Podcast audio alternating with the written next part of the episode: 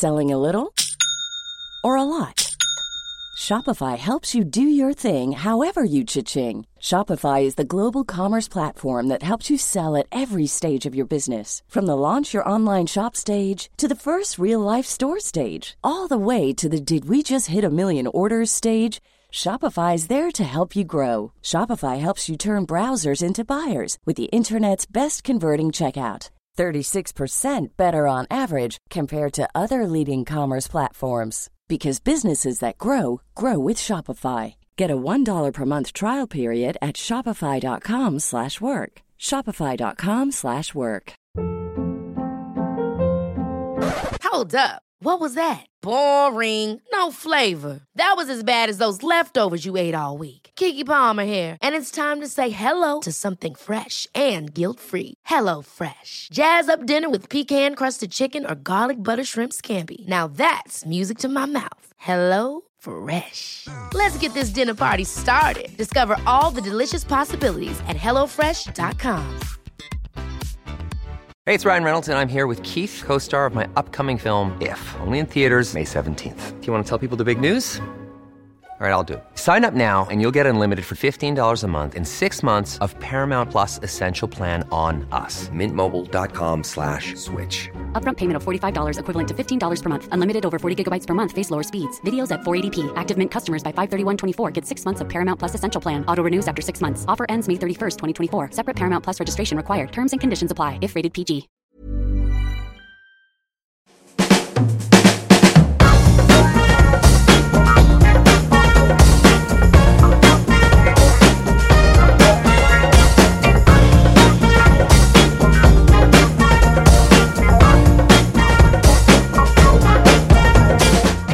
Välkomna till Health for Wealth avsnitt 3. Jag heter Ann-Sofie Forsmark. Jag är hälsostrateg, civilekonom och hälsocoach. Jag heter Boel Stier, förläggare, kommunikatör och utbildare i presentationsteknik. Ja, nu är det mars och våren spirar och eh, ofta är det mycket som känns lättare bara för att vi har mer dagsljus att husera med. Så känner jag i alla fall. Eller så upptäcker man all smuts beroende på hur man ser på det. Boel, är du pigg? Eller ser du smutsen? Både och faktiskt. Men smutsen är så mycket härligare när solen skiner, tycker jag. Och vad är lite smuts på ytan förresten? Idag ska vi prata om hur vi mår inombords på jobbet. Det som förut kallades psykosocial arbetsmiljö och som nu kallas social och organisatorisk arbetsmiljö. Jag vet inte, men jag gissar att man med den nya formuleringen vill lyfta frågan från individen till sammanhanget. Vi får snart höra svaret. Ja, vi ska prata med organisationskonsulten och coachen Helene Rosander om de här nya riktlinjerna då. Eh, och de här föreskrifterna de, de, eh, de ersätter några som kom ut 1980 och det är ju liksom 35-36 år sedan. Så det har väl hänt väldigt mycket under den här perioden kan vi ju enas om och mycket med hur vi jobbar. Ja, och vi ska väl nämna att de föreskrifterna vi pratar om, de kommer från Arbetsmiljöverket och börjar gälla 31 mars. Allting har ju inte bara inneburit förbättringar i de förändringar som har skett på arbetsmarknaden. Den psykiska ohälsan på grund av för hög arbetsbelastning, stress och konflikter på jobbet bara ökar. Och med de utmaningarna så tänker du och jag, Ann-Sofie, att nya riktlinjer borde egentligen vara rätt välkomna om de nu, som mm. de utlovar, mm. ska vara, stå för mer tydlighet och ett tydligare stöd för arbetsgivaren i arbetet mot ohälsa. Men många tycker förstås att det här känns lite läskigt, för det är krav. Och man kanske inte vet exakt hur man ska bemöta de här nya kraven. Där det till exempel står i en paragraf att chefer ska ha kunskap om hur man förebygger och hanterar ohälsosam arbetsbelastning. Nej, precis. Och, och, um, jag tror, om jag får säga så, att media kanske inte alltid hjälper till här heller. Jag tänker bara de senaste dagarna, det jag har sett på nätet och, och i tidningar, så är det mycket, det är lite skrämsel så. Eh, och det är ju viktigt såklart med bakgrunden till varför de har tillkommit. Men, men vi vill ju ha den här positiva eh, ansatsen. Och eh, ja, det här är ett sätt att kunna investera ännu mer i hälsa, både för organisation och individ. Och med vinst för båda på, på flera plan. Och det är den ansatsen som sagt som vi har startat hela den här podden. Och på mm. det spåret kör vi även idag. Så nu släpper vi in Helene.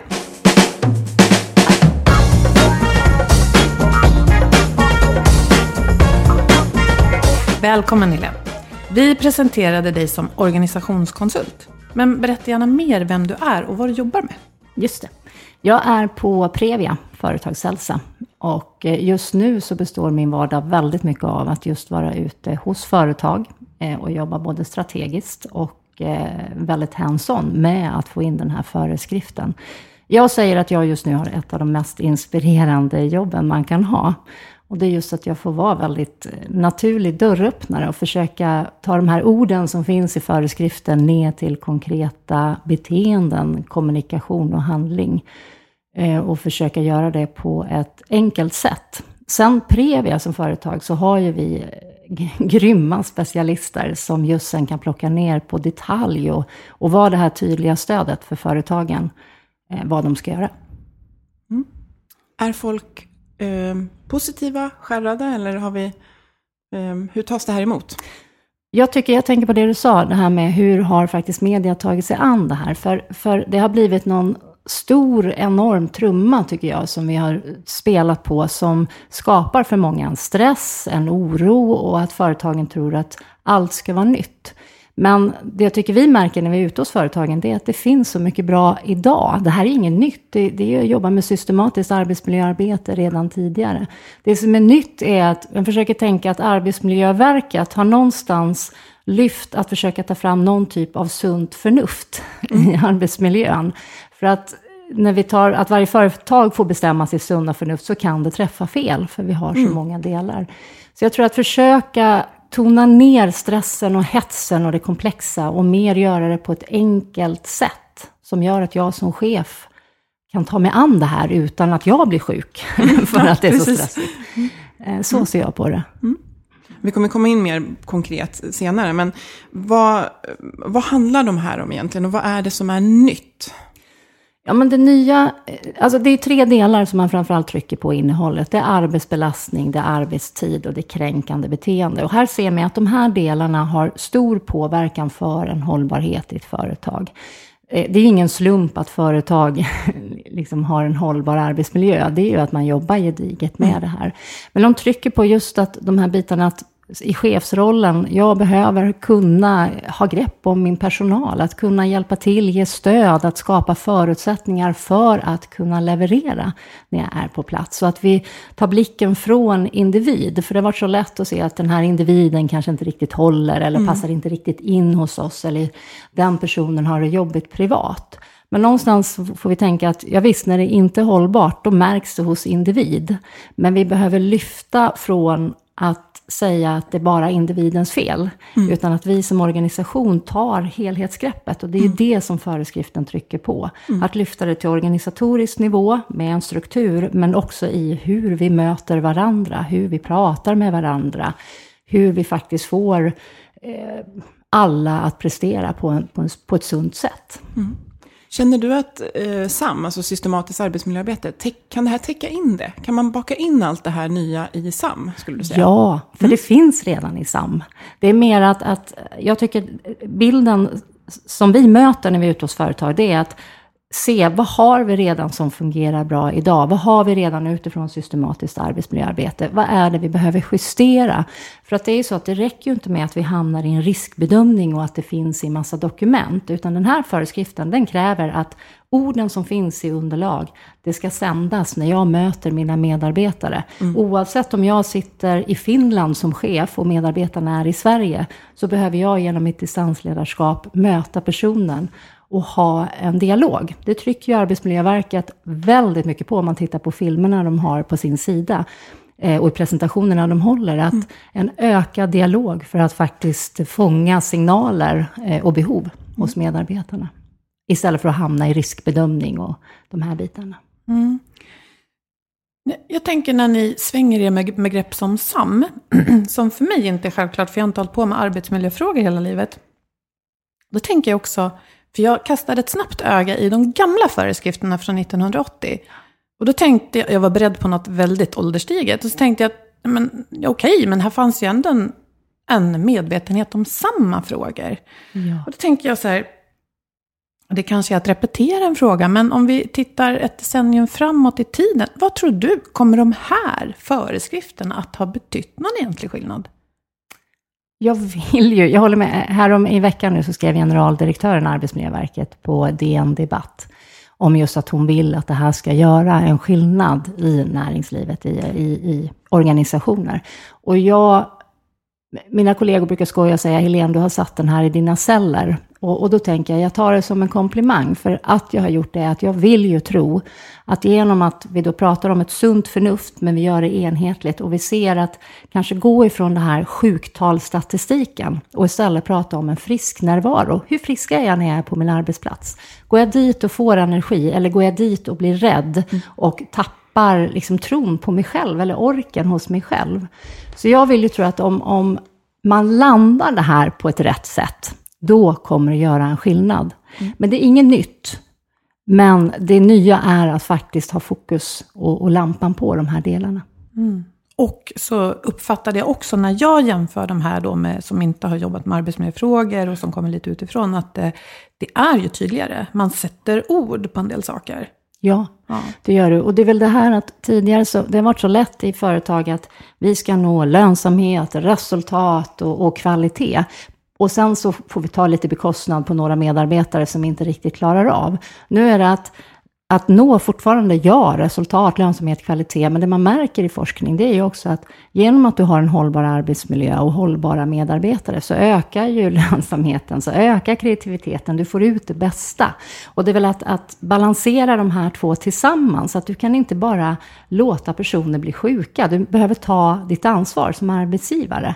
Eh, sen är det ju ett gemensamt, det kan jag tycka den här föreskriften, att mm. det kan ju bli så att om jag som medarbetare är lite skeptisk innan så kan jag luta mig tillbaka och tänka, nu ska vi minsann se hur min chef och arbetsgivare mm. tar hand om min arbetsmiljö. Mm. Och den är ju viktig att hålla den dialogen, att det är ett gemensamt ansvar. Definitionen av dialog är ju att, alltså ett ökande av kunskap, utbyta kunskap. Så det, det bygger ju faktiskt också på att medarbetaren deltar aktivt i systematiska arbetsmiljöarbetet mm, och även för att de här föreskrifterna ska, ska funka. Um, de är ju riktade till alla liksom, företag som har arbetskraft, eller organisationer som har arbetskraft. Eh, och ja, vi har ju alla typer av organisationer i Sverige, så de, de blir ju således väldigt generella. Eh, och de flesta har ju ett liksom, systematiskt arbetsmiljöarbete, bra eller dåligt. Eh, och om vi då säger att vi ska eller, eller utanför eller innanför det då, agera på de här nya föreskrifterna. Kan du ge några konkreta exempel på vad man kan behöva göra för att börja följa de nya föreskrifterna då? Mm. Jag tror att några företag upptäcker att de inte har så bra systematiskt arbetsmiljöarbete. De har ju en resa att göra, absolut. Men de som har det rullande, om man säger, kan ju först gå in och se dels de här måltalen, för det tycker jag är väldigt intressant ofta det vi hamnar i, är att se vad är det som gör att företaget ska satsa på det här? Är det för att Arbetsmiljöverket säger att du måste, det är regler, och annars så kan du få en, en dom på det här? Eller är det så att vi ser att det här är någonting som vi som arbetsgivare vill göra en skillnad? Vi, vill, vi ser att det här är en möjlighet att börja prata om saker för att vi ska vara en, en förebild när det gäller arbetsmiljö. Vi ska ha medarbetare som trivs. Och den diskussionen är ofta någonting som man som företag behöver ta. Mm. Att se överhuvudtaget varför ska vi börja jobba med det här. Men sen blir det just nu så märker man många företag går in och ser vad är det vi mäter idag? Hur ser våra medarbetarundersökningar ut? Vad har vi för typ av samtal? För idag är det vissa samtal som en gång om året har medarbetarsamtal. Däremellan så möter jag min grupp men inte på individnivå. Och du kan inte ha en dialog i en hel grupp. Du behöver möta individer ibland. Men sen också framför allt se till nu att alla får vetskap om den här och att vi börjar ha en dialog. Vad är det som finns i de här bitarna? Så att det finns ju i större företag är det ofta att, att det finns personer som är bra på att just se över det här med riskbedömningen och hur vi mäter och målstyr och och de delarna. Men framförallt sen så är det ju säkra upp ledarskapet så att man plockar in det som tidigare kanske har sagt, ja vi har en arbetsmiljöutbildning, så behöver ju de här föreskrifterna plockas in i övrig ledarutveckling vi har. Så att det också får, jag som chef får en möjlighet att träna de här bitarna som nu finns som krav på mig. Eh, det, det, det ställer andra krav på ledarskapet. Mm. Och eh, där behöver företagen säkra upp de bitarna. Så det är väl det vi framför allt märker, mm. Eh, de delarna. Mm. Mm. Jag tänker, som du nämnde Ann-Sofie, utgångspunkten för vår podd är ju att investera i hälsa är vinnande. Så ser vi på det. Men eftersom vi har den här diskussionen och alla behöver inte säga samma sak så tänker jag eh, om, om jag vore en arbetsgivare och med många anställda så skulle jag också se kostnaderna för det här.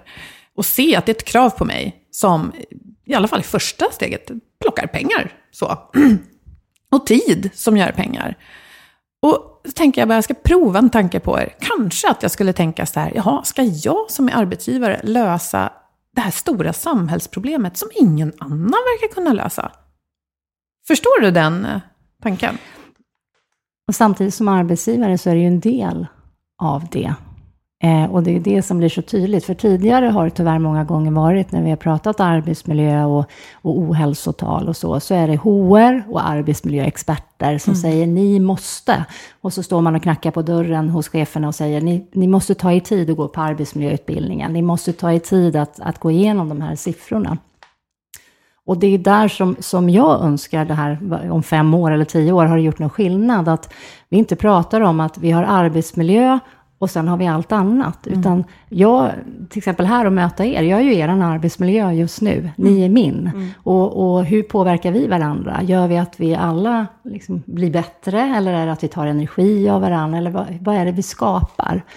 Och det är det här jag tror som arbetsgivare, du behöver förstå att det här behöver komma in i styrdokument, i mål, i strategier, att inte vara någonting som några står vid sidan om och jobbar med. Mm. Utan det är syvende och sist, hur möter vi varandra, hur beter vi oss, hur följer vi upp?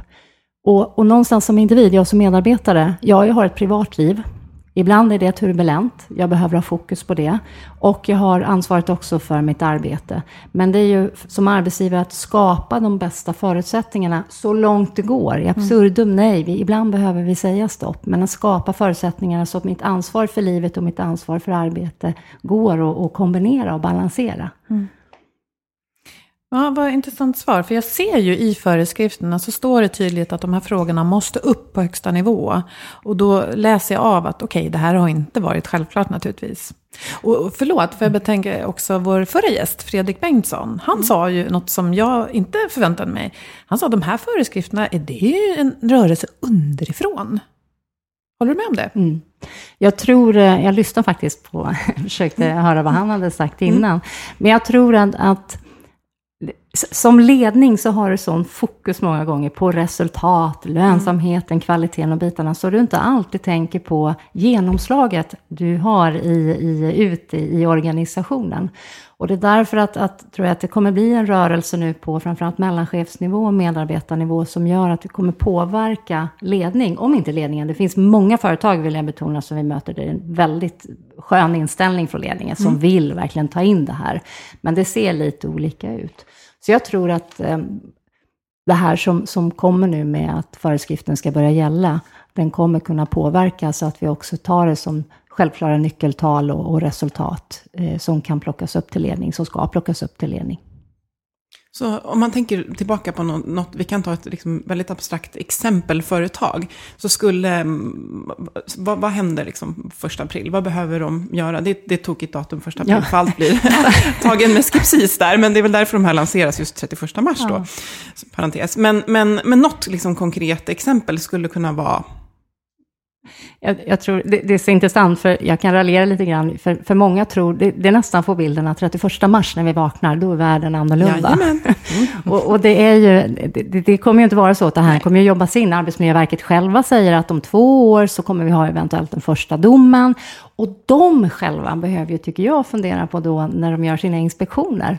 Hur, hur kommer de se ut? Kommer de fortsätta kanske som tidigare eller kommer de också mer ha en självklar dialog och börja redan i mötet där? För de ska ju vara förebilder. Så jag gissar att Arbetsmiljöverket själva nu håller på och pratar om hur det påverkar dem i, mm. sin sändning. Men annars för företag, svar på din fråga där från första april, så, så tror jag att att säkra upp det här och ha dialogen med cheferna. För att mm. cheferna, vill också betona att i föreskriften kan det nästan stå att cheferna är speciella och så har vi medarbetare. Men chefer är ju medarbetare och de behöver ju själva få förutsättningen att faktiskt kunna jobba med det här. Och, och ibland har jag med det där citatet att om du har en medarbetare eller chef då, eh, som du upplever är alldeles för bra för att vara sann, de presterar för mycket, mm. ja men då är det troligtvis så. Mm. Och det är väl det här att börja prata om de här sakerna, så att vi inte har några som fortsätter springa eh, och till slut inte kommer hålla, utan att vi börjar prata om vad är det som, som respektive person behöver. Mm. Och jag tänker också att eh, systematiskt arbetsmiljöarbete, det, det kanske är ett av de mer osexiga orden, eller ja, att sätta ihop så. Eh, det finns ju många företag som, som riskbedömer, eller har möjlighet att riskbedöma just för medarbetarundersökningar, men kanske inte har definierat att det här sker inom SAM, utan man gör det ändå. Eh, vad, ja, hur kan man liksom göra det attraktivt att jobba med systematiskt arbetsmiljöarbete som ju låter som, eh, jag, jag, tänker checklistor och ronder och sådär. Men, men ja, hur, kan man, hur pratar ni runt det när ni jobbar? För det är ju mycket där du säger att det här arbetet kan bedrivas. Mm. Jo, men det, är skillnaden är att, att jobba med, om man pratar fysisk arbetsmiljö, då är det lätt att säga en lampa saknas, vi har satt dit den, check i rutan. Eh, den här mattan halkar bort, så vi måste byta den. Bra, vi har gjort det, check, det är löst.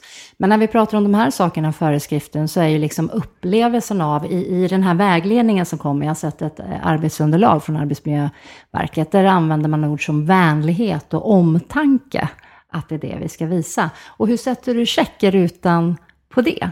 Och det är väl det här att ta ifrån att vi pratar systematiskt arbetsmiljöarbete och arbetsmiljö och vi tar in experter som ska prata, utan mer ta in det som en kultur, ett sätt att vara, ett sätt att möta varandra i organisationen.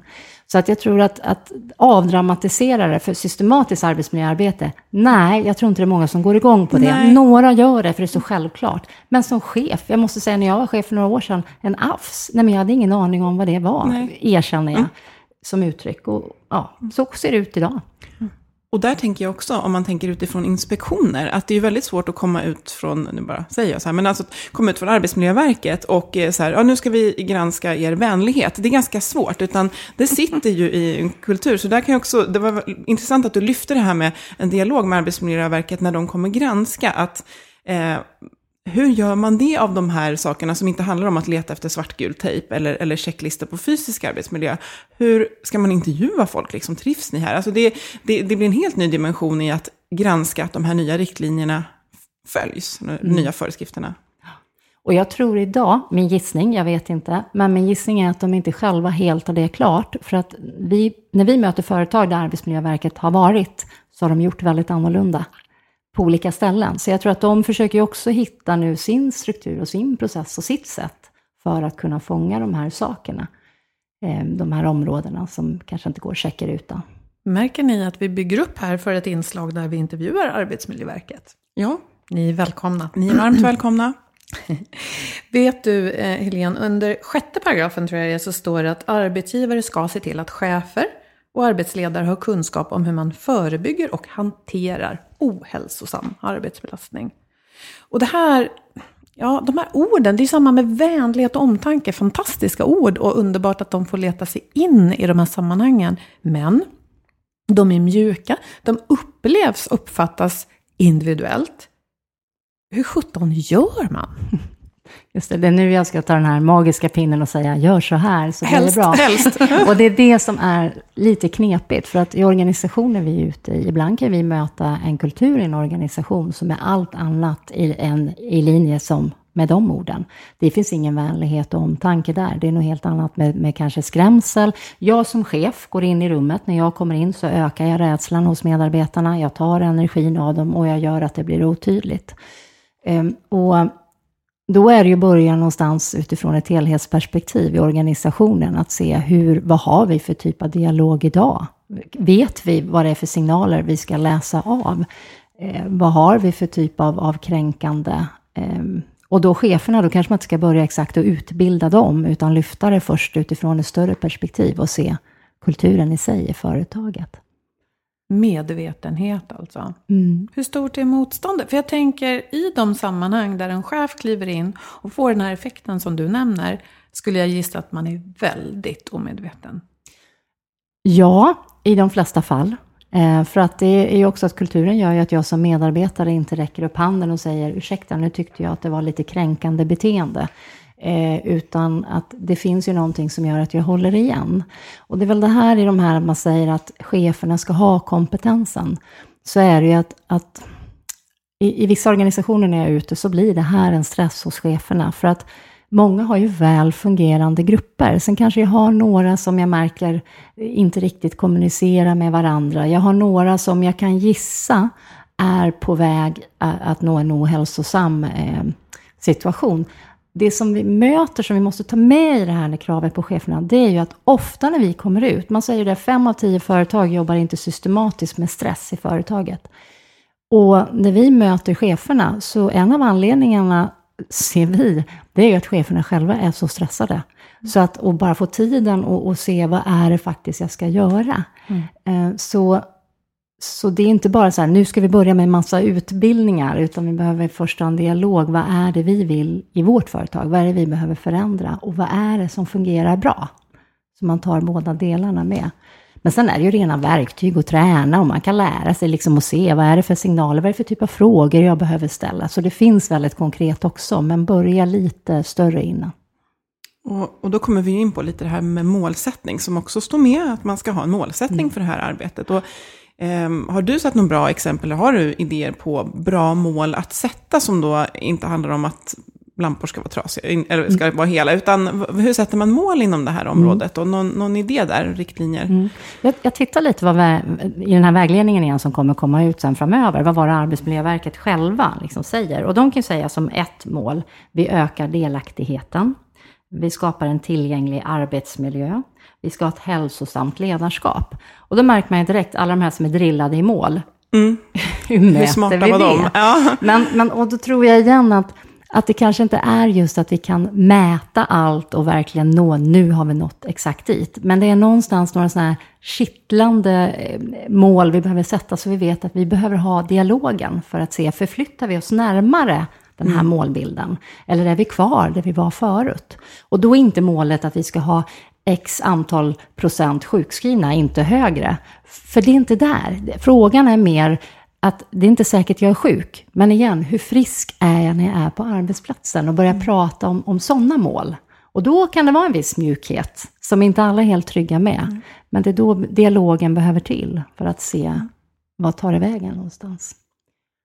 Mm. Jag tänker att i alla fall liksom lite större företag har ju ofta medarbetarenkäter där man mäter till exempel trivsel och eh, delaktighet och sådana saker. Mm. Och där kan man ju se faktiskt parametrar som flyttar sig mot ett mål som kanske är i sig inte då enligt smart, det här exakt mätbart, men man ser att vi har ökat trivseln, vi har ökat medarbetarnas uppfattning om att man är delaktig i sina mål eller eh, minskat stressen. Och, och, det skulle du säga, det kan vara en det kan ja. räcka, eller man ska ja. säga. Ja. Det, det kan vara en riktlinje om vi bestämmer att, att för, för det är många som står över frågorna nu och faktiskt ser, är det några frågor vi behöver lägga till, ta bort för att verkligen fånga det här området också, som, eller områdena som finns i föreskriften. Och jag tror för att mål är ju en sak att börja prata om, men sen att mäta, det är ju medarbetarundersökningen, om man har en sån, så är ju den ofta väldigt bra att använda, för det är också någonting som man känner igen i organisationen. För det är väl det där igen, 31 mars, är att jag vaknar som medarbetare och allt är annorlunda. Nej, det är inte det. Men det är väl uttalat att det här är viktigt för oss som organisation. Och sätta några mål kring det. Många har ju värdeord, tänker jag. Mm. Och där är ju verkligen liksom kanske mer medvetet om vi har värdeord som är i linje med föreskriften. Ja, men toppen. Då är det ju ännu mer att, att åter, liksom, att verkligen implementera och få alla att veta, känna till och veta det, hur det påverkar mig. Mm. Att börja leva dem också, inte bara ha dem i fina dokument. Nej. Mm. Mm. Och, och, där är väl tyvärr liksom många företag som för ett tag sedan hade någon typ av värdegrundsarbete, så har det legat i stiltje ett tag under några år. Och sen måste man gå in och läsa på för att veta vilka värdeorden är. Mm. Och då kanske nu det är bra att ta ett omtag och, och, och ta ihop vissa delar. Att utifrån föreskriften. Så att försöka göra ett, ett helt paket av det någonstans, en helhet. Än att göra en sak där, en sak där. Kanske man kan hoppas att, jag tycker om tanken att vi gör saker tillsammans. Sen är det ju så att en chef sitter på makten och det gör inte medarbetaren i, i samma grad. Eh, så det ska vi inte blunda för att se. Men samtidigt behovet av dialog. Det måste vara flera parter för att det ska hända. Och förhoppningsvis kan de här rikt, eh, nya föreskrifterna, ska jag säga, inte riktlinjerna, eh, kanske ge oss någon slags vägledning på väg mot det då. Um, för det, är ju, det svåra är ju, vi återkommer till det hela tiden, det är att kostnaderna är tydliga och de är hårda. Men det vi behöver jobba med, det är så mjukt och det glider oss ur händerna som en tvål gång på gång. Och många företag, just det handlar om, just att bara säga mjuka värden, ja men åh, det gör ju att det blir... Man har pratat att i det här, du är en upplevelse hos individen. Eh, tycker jag att det är en positiv upplevelse, tycker jag är en negativ upplevelse. Sen är det inte att alla situationer jämt behöver vara perfekta. Men det man ser är att ju mer stressade vi är eller blir eh, och ju mer icke-välmående så tar vi ju in beteenden som just är beteenden som kanske gör att jag säger saker till mina kollegor eller personal som inte är helt bra. Eh, jag möter dem på ett sätt som inte är bra. Så att man märker ju att utifrån stressen så gör det ju också att människor blir räddare, man ser saker mer negativt än innan. Det är det här att försöka fånga de här bitarna så vi inte kommer så långt. Mm. Och en nyckel där är väl som du sa, att upplevelser går att mäta. Ja. Även om de är individuella. Ja. Och svaren säger oss någonting. Mm. Och bara försöka sätta, för det som går att mäta är att man säger man ska ha den här typen av samtal.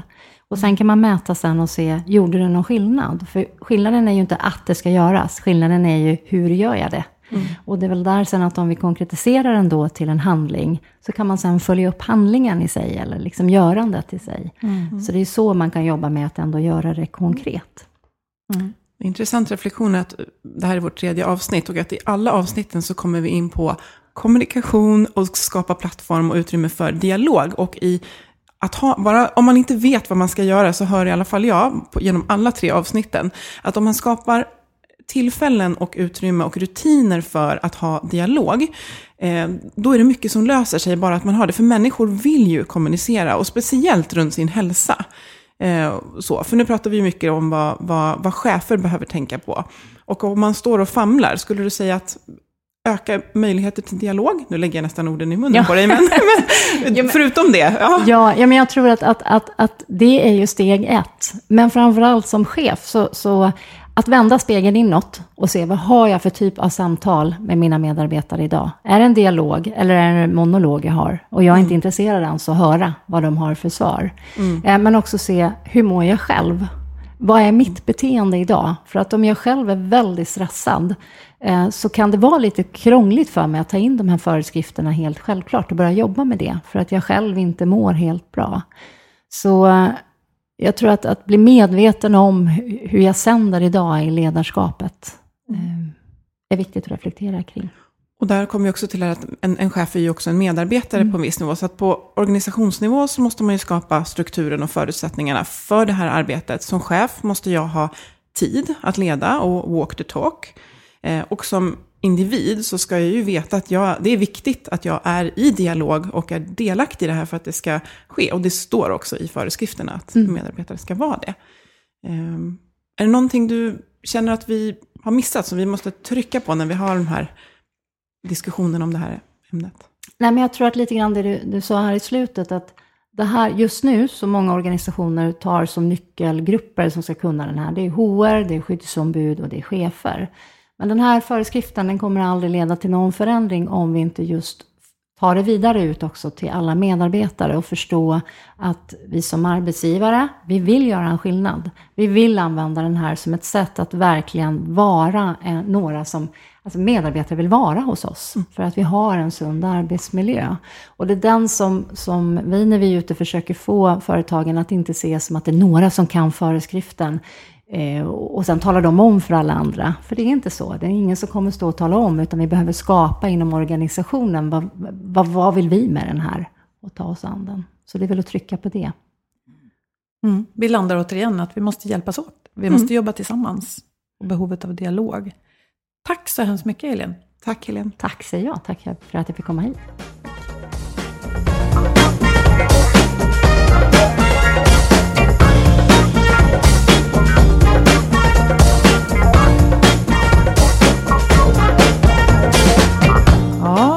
Ann-Sofie, ännu ett väldigt intressant samtal.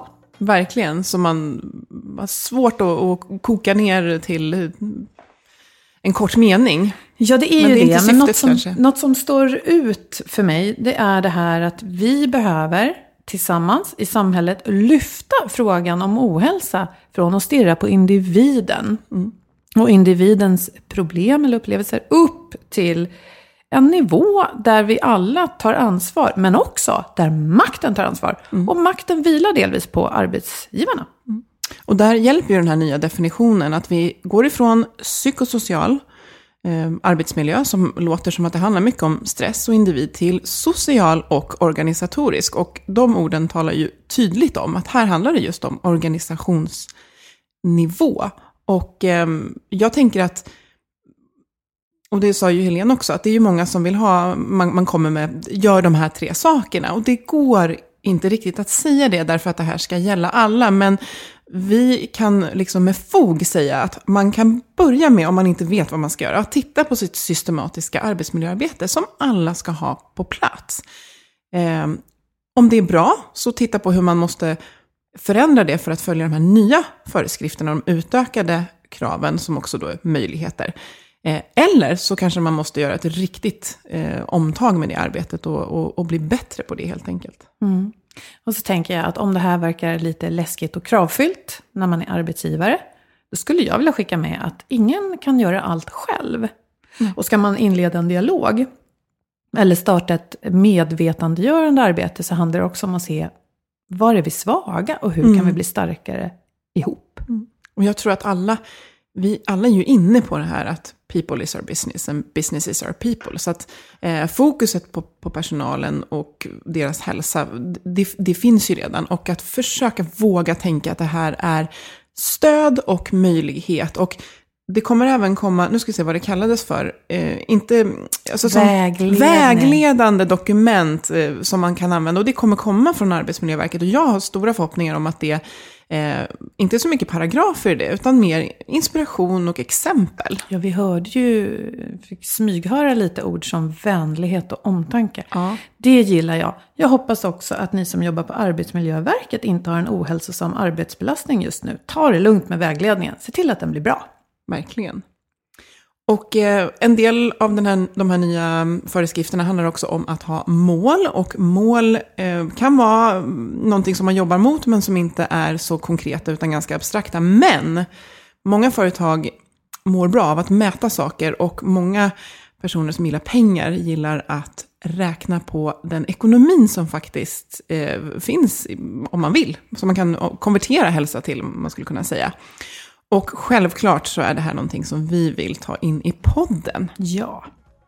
Så nästa gång så siktar vi på att prata hälsoekonomi, alltså räkna på hälsa. För det kan man göra. Lyssna då och eh, följ oss i sociala medier, LinkedIn, Facebook, hemsidan healthforwealth.se. Och tack till Agda Media för fantastisk produktion. Hej då! Hej då!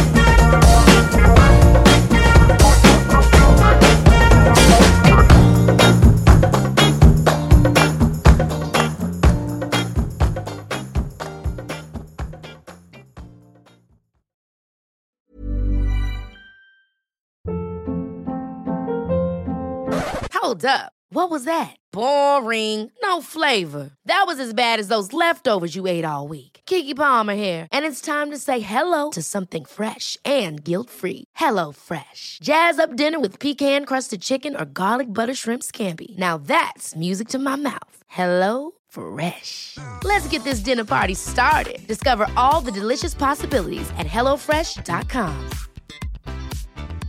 Even when we're on a budget, we still deserve nice things. Quince is a place to scoop up stunning high-end goods for 50 to 80% less than similar brands.